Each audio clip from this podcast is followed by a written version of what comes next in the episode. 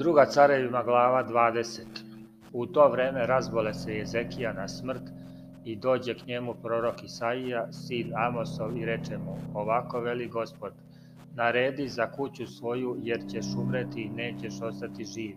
A on se okrete licem k zidu i pomoli se gospodu govoreći, Oh, gospode, opomeni se da sam jednako hodio pred tobom verno i s celim srcem i tvorio šta je tebi ugodno, i plaka Jezekija veoma. I Isaija još ne beše otišao do polovine dvora, a dođe mu reč gospodnja govoreći. Vrati se i reci Jezekiji, vođi naroda mog, ovako veli gospod Bog Davida, oca tvog, Čuo sam molitvu tvoju i video sam suze tvoje, evo iscelit ću te do tri dana ići ćeš u dom gospodnji.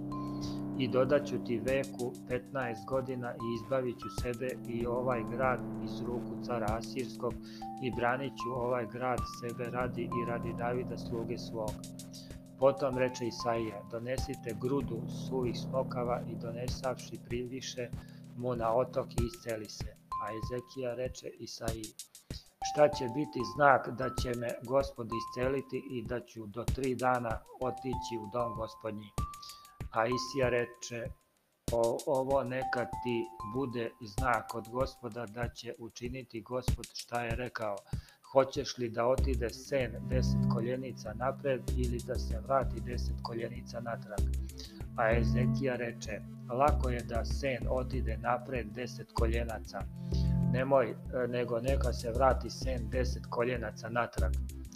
I Isaija prorok zavali ga ka gospodu i vrati gospod sen po koljenicama e, po kojima beše otišao na sunčaniku Ahazovom natrag za deset koljenaca. U to vreme Merodah Valadan, sin Valadanov, car Avavilonski, posla knjigu starom Jezekiji, jer beše čuo da je bolestan Jezekija.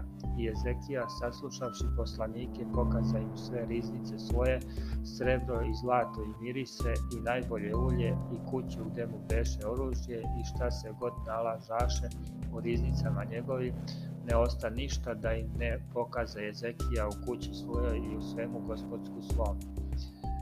Tada dođe prorok Isaija k caru Jezekiji i reče mu, šta su govorili ti ljudi i odakle su došli k tebi? A Jezekija reče, iz daleke zemlje došli su iz Vavilona. A on reče, šta su videli u tvom dvoru? A Ezekija reče, videli su sve što ima u mom dvoru, nije ostalo ništa u riznicama mojim da im nisam pokazao. Tada reče Isaija Jezekiji, čuj reč gospodnju.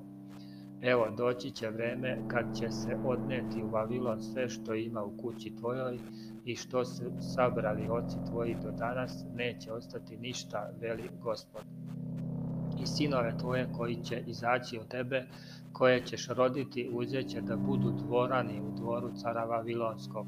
A Ezekija reče Isaiji, dobra je reč gospodnja koju si rekao, još reče, jeli, za mog veka biće mir i vera.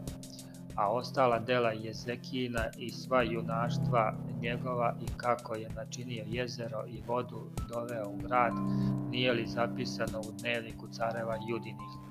I počinu Jezekija kod otaca svojih, a na njegovo se mesto zacari Manasija, sin njegov.